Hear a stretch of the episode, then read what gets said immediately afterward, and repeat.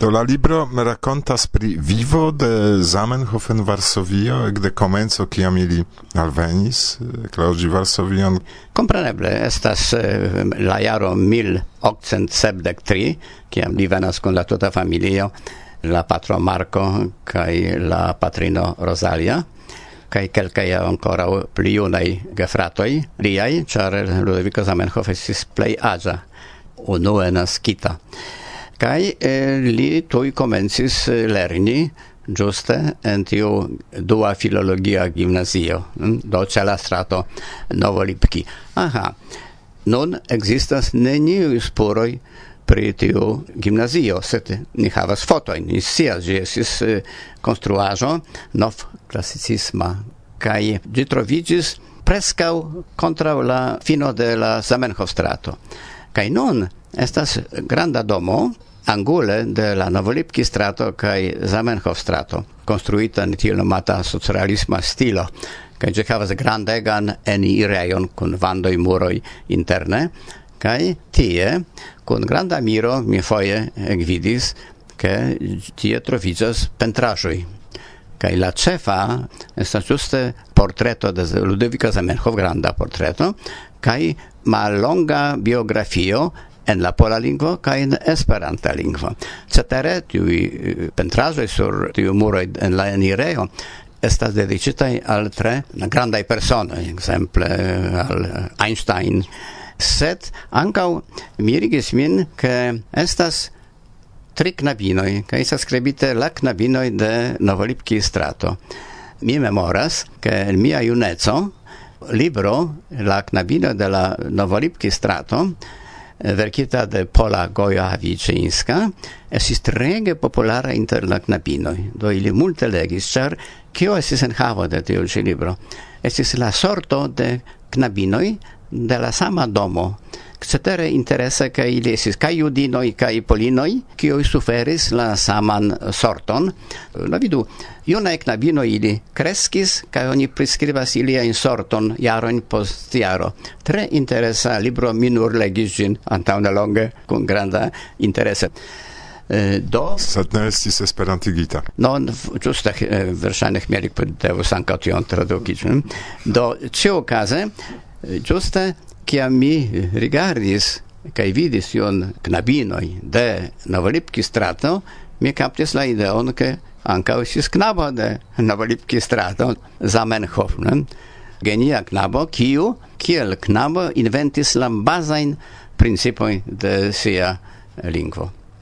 kiel vi verkis la libron? Do, eh, do jarojn antaŭ la datreveno de la morto de Ludovico Zamenhof, mi calculis che tiu dato estos grava. Kai mi diris kion mi povas fari. Estas la tombo de Zamenhof. Kai rigardante tion tombejon mi subite malkovris che tie troviĝas ne nur tombo de Zamenhof, kium ciam la dekvaran de aprilo de ciu jaro eh, i venas, anca se venas extralandano, ili venas al tombo de Ludovico Zamenhof. Sed montrizas che tie kusas ne nur Ludovico Zamenhof, sed plurai aliai aliaj. Eh, sume estas dec tomboi de diversai Zamenhof familianoi. Kaj ancau Silbernik. Kaj ancau, compreneble, la bopatro de Ludovico Zamenhof, kiu es ludis gravegan rolon. Poste mi iom provis studi pri li, kaj montriĝas, ke versaine Li estis la unua kiu comprenis che Ludovico Zamenhof estas eh, genio. Char imago li estis sufiĉe bonstata homo, havis fabrikon de sapo en Bialistoko, sed li oferis grandan doton al sia filino, kaj tio estis dec mil rubloj, tio estis grandega sumo. Kaj imagu, che tio mono estis tre rapide eh, elspezita, por Esperanto. Cetere, Ludovico Zamenhof ne povis trovi laboron. Do esti situacio sufiĉe stranga, ke jen eh, li sufiĉe riĉa homo donis sian filinon al malriĉulo, kiu ne capabla subteni sian familion. Tamen tutan tempon helpis. Tio signifas, che char normala bopatro tu i querelos kiel do mi donis belan filinon kai vi ne kapablas sin subteni dum li helpis tia maniere che ec post kiam naskidis la unua Adam kaj eh, Ludovica Zemekov daure ne povis trovi laboron tiam Clara kun Adam graveda veturis al Kovno, kai tie logis. Dom Zamenhof provis eh, serci laboron exterlande exemple en profunda Rusio en Herson do Zilbernik sencese dum dek fin jaroj daure helpis eh, Ludoviko Zamenhof. Do mia opinio sa sendube che li consideris eh, sian bo filon granda genia persona cetere oni scias ke eh, Alexander Zilbernik parolis Esperante li lernis jam kiel plenkreskulo. Dum ni ne estas certaj ĉu ekzemple parolis Esperanton Marko Zamenhof. Oni scias ke Marko Zamenhof estas en biografioj prezentata kiel tiu severa homo kai contraustarata alla patrino qui estis persono tre zorgema pri si ai gefiloi kai speciale pri Ludovico kiu estis ofte malsana eh? kai oni dire Marco Zamenhof bruligis la caieroin en kiu estis verkita tiu primitiva versio de la lingvo internacia. Compreneble, tio nestas certa afero, char presenti gin la unua Edmond priva, en sia unua biografio, se tamen ne presentis fontoin, oni ne sias de kie li tion sias, kai la tuta familio silentis, neniam pri tiu afero parolis. Compreneble, estas ankaŭ alia, oni povas diri, legendo, ankaŭ ne tute certa, kial la familio de Ludovica Zamenhof, kiu ricevis tiu dek mil rubloin, kaj subite trovigis en la situacio sen eliro, cioè, li Ludovico Zamenhof foie scribis, che li atingis jam fundon, cioè, ne? Havas rimedojn por vivi. Oni combinis, coniectis, che la afero estis jena, che duono de la mono, oni sias estis destinita por la unua eldonaĵo quin mil rublojn, sed che okazis con alia quin mil? Montrizas che la patro Marco Krom tio, che li estis eh, instruisto en du lernejoj, li instruis geografion, germanan lingvon kaj francan lingvon, kvankam neniam studis tion lingvoj. No? Ta estas alia afero, kiel estis talenta tiu ci persono. Li ankaŭ verkis oficialajn lernolibron pri la geografio kaj pri franca kaj germana. Kaj li estis ankaŭ cenzoro char ne suficis mono por vivteni tio sep gefiloi, ne? Ili havis. Do li estis cenzoro en hebrea lingua ca en ida. Kaj foje okazis skandalo char iu supera cenzoro en Petersburgo legis iun artikolon en la periodazo Hacefira, ŝajne signifas uh, auroro, ca interesse ke tion eh, revuon redaktis Słonimski, avo de Antoni Słonimski, la fama, la fama poeto posten Polando. Pollando. Kaj temis pri artikolo, serio da articolo pri vino. En la lasta articolo la autoro faris un concludon che trincado de vino en malgrandai dosoi estas tre utila por la sano sed se oni gin tro uzas, tiam la homo ne nur perdigas sian sanon eh, fizikan, sed ankaŭ mensan. Kaj kio okazas, ke tiu cenzoro asociis che tio versaine concernas la caron Alexandron la Trian, kiu estis cetere conata kiel homo kiu shatis drinki. Compreneble, tia concludo esis eh, tiel nebula, sed tamen tio esis por Marco granda frapo, che dangera eh, situazio, char se oni tion disvastigos pli, Marco estu simple forzetita el la lernejo, char li esis instruisto in la stata lerneo rusa. Se li perdus tiun ci laboron, la familio eh, simple mortus pro malsato. Kaj malaperis kvin mil rubloj. Tak, już.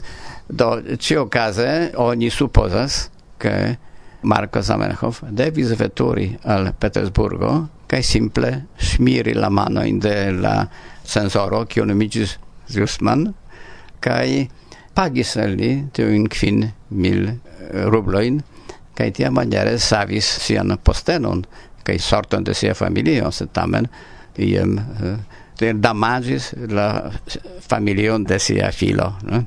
Kion vi ŝatus diri al la estontaj legantoj de la libro por verki ilian scivolemon, kial ili legu la libron? Vidu, estis alia kialo, che mi decidis verki tion libron, char mi volis prezenti kelkajn faktojn, kiuj mi malcovris ancau la tombeio la tombejo estas trege interesa danke al mia libro. Mi konatiĝis kun tiu tombejo kaj tute mi ne havis antaŭe ideon ke ĝi estas tiel valora eh, objekto en Varsovio.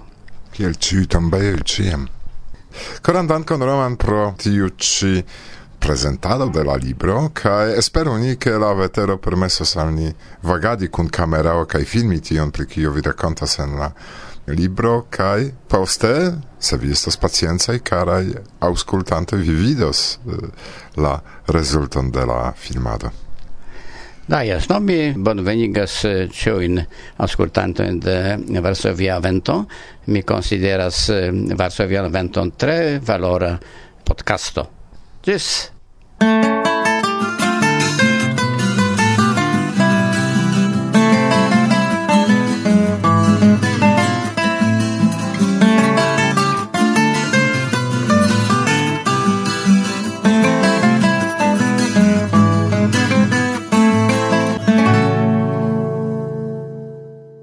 Versa via vento. Bla bla bla.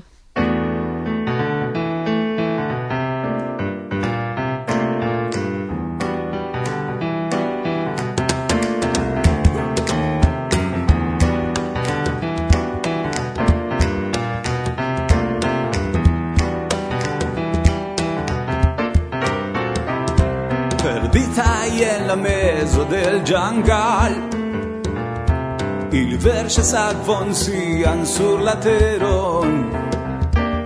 Rideto ien visagioi ĝentilaj crescas kiel floro ien somero. Aventur plezo amar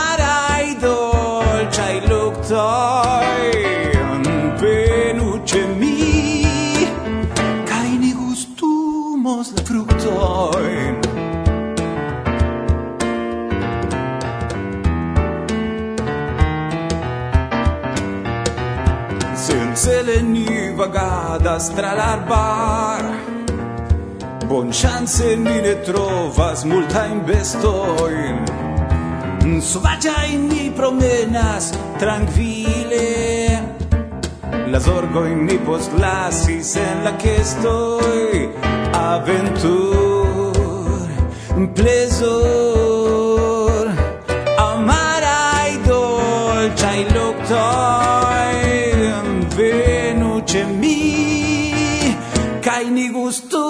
somos la fruit?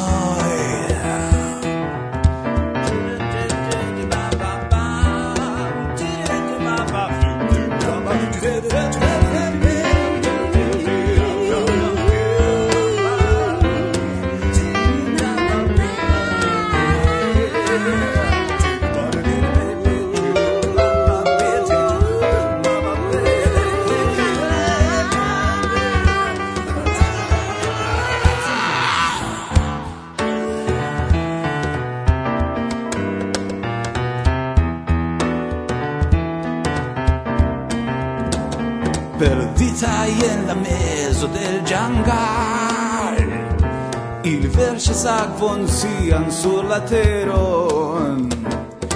Ridetoi en visagioi gentilai.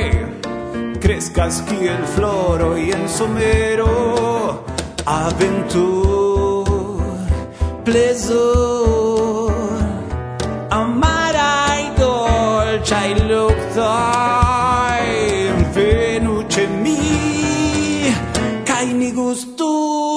fructoj Mi gustumas la fructoj Oh yeah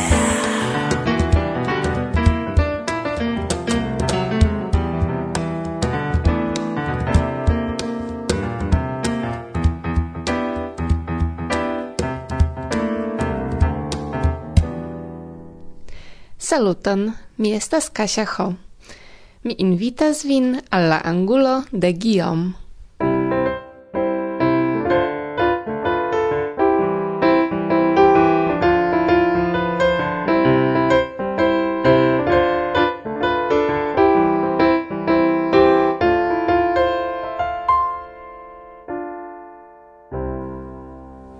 verkis la canzonon Amo kaj asfalto por primoki min mem. Okazis multfoje al mi ke mi enamiĝas pri iu kaj tiuj sentoj estas ne reciprokaj kaj mia reago iel estas kiel diri mi ne comprenas kaj mi, mi ne volas akcepti che la liulo ne enamigas primi au enamigas en min kiel mi audis mi mi et plichatas paroli tiele. Do mi ne acceptas tion kai mi racontas al mi exacte tion kion mi racontas en la canzono tio estas mi faras al vi plei belan proponon. Ni havu amrilaton kai tiel ni flugos ni schwebos en exaltets vi ne povas rifuzi, vi ne povas malakcepti mian proponon. Se vi rifuzas, vi estas stulta. estas tiel. Mi, mi havis tiun reagon plurfoje. Kai jen la canzonon primo casmin, mi racontas pri amo, kai se vi ne electas jeti vin mem en tiu malpleno iu sense eh, fidante che la amo portos vin kiel la la la aero portas la nuboin. Vi stultas vi stultas vi estas sklavo de via timo. Do jen tio estas la messaggio kiun mi diras al la aliulo. Kai la aliulo diras ne. Ne. Vi povas diri kion vi volas. Mi ne acceptos vian proponon. Do jen la momento kiam mi cantas Se timas vi pro altez, restu malalte, mi svebos en exaltez, vi pesos sur asfalte, sed compreneble mi ne povas svebi en exaltez sole. Tio esas nia problemo, kiam mi serchas amrilaton, rilaton, Tio estas ke en mia vid maniero mi bezonas partneron por svebi danke al la amrilato. Temas pri amrilato, do estas almenaŭ du homoj. almenaŭ du. Kaj la homo rifuzas.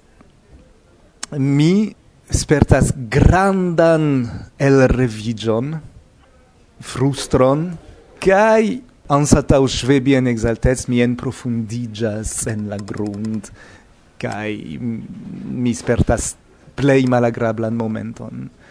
Do, mi estas la nura respondezulo en tiu afero. Mi ekis la aferon, kai se mi ne pretis ricevi la nean respondon, estas mia problemo, ĉu ne? Do, vi ne povas attendi de la, de la homoi che ili ciui enamigiu pri vi cae jesu vian uh, proponon priam rilato a mi ne sias do, ien simple. Kai nun auscultu tiun mirindan vivletionon amo kai asfalto.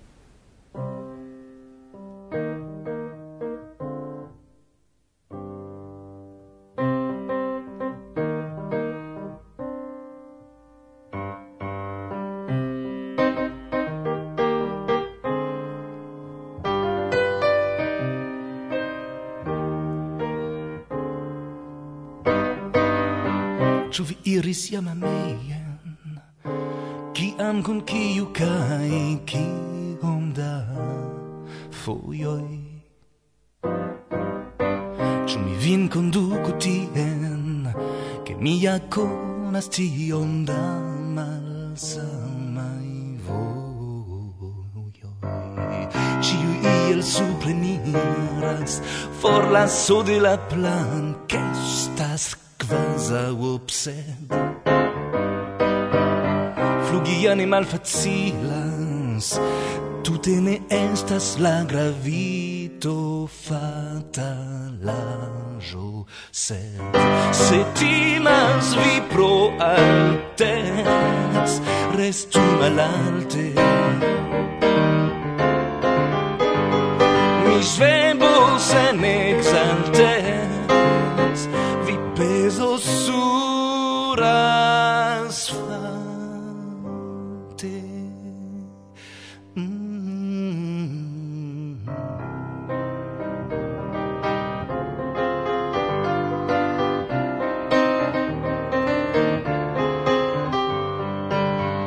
du sekvu admiru min kai foriros per miaj respondaj sentoi.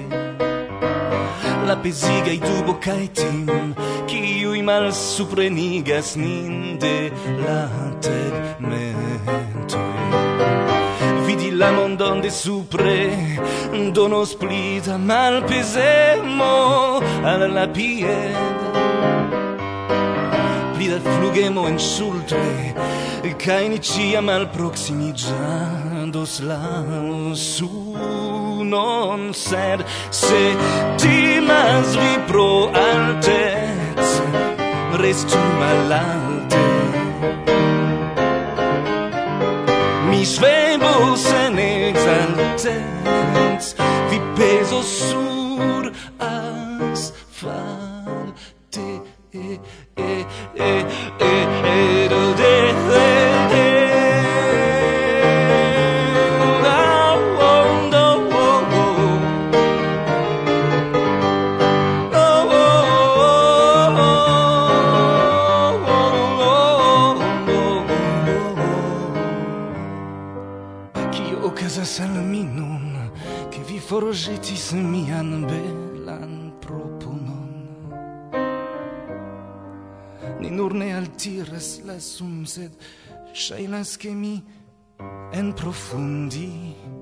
jas en la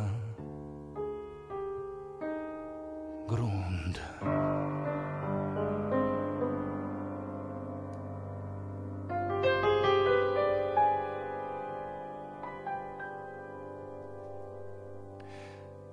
Char atin gis min dolor provis en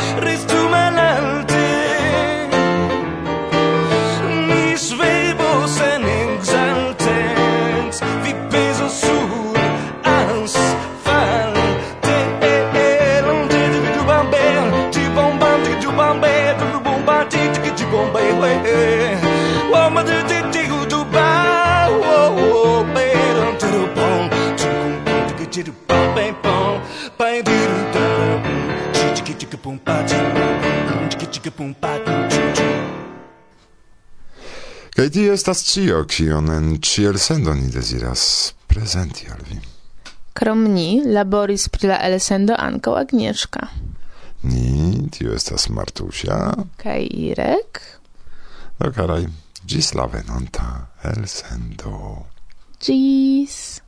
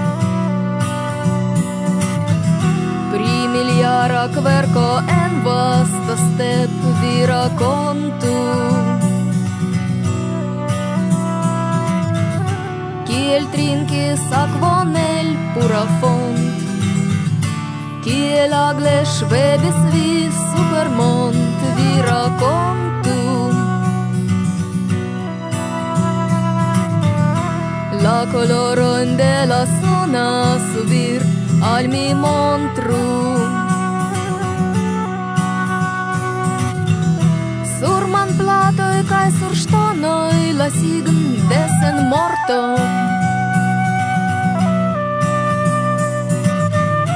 Herban dancon sub radioj de lun Servan gregon en la streĉo de kur al mi montru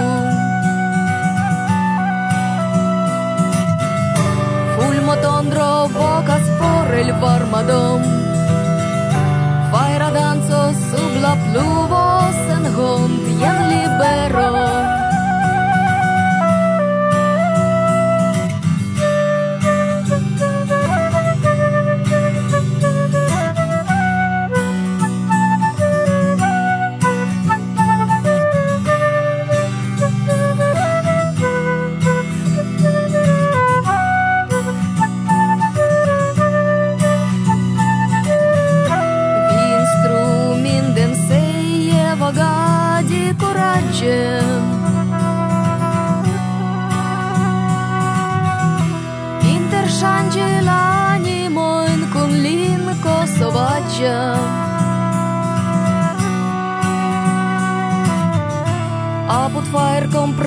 flustron del noct.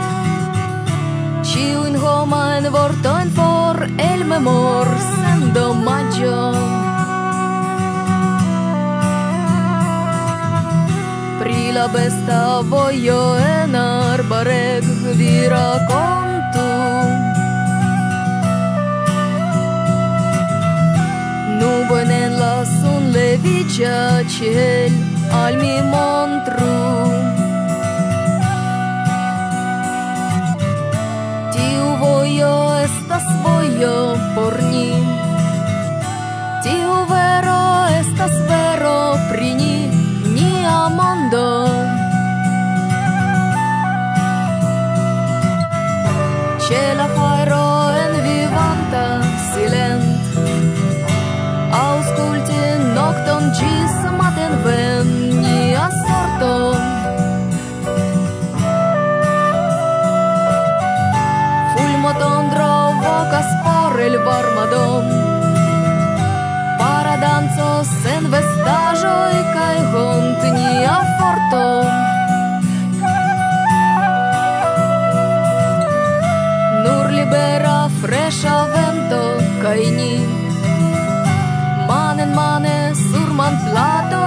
pasigun desen morton